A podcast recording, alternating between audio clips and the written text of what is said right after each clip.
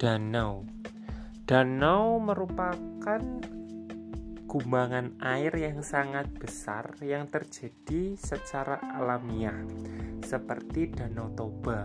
Danau Toba itu terjadi terbentuk karena suatu ledakan dahsyat dari gunung api purba yang membentuk tanah tersebut menjadi sebuah cekungan Cekungan tersebut lama-kelamaan terisi air dengan air hujan.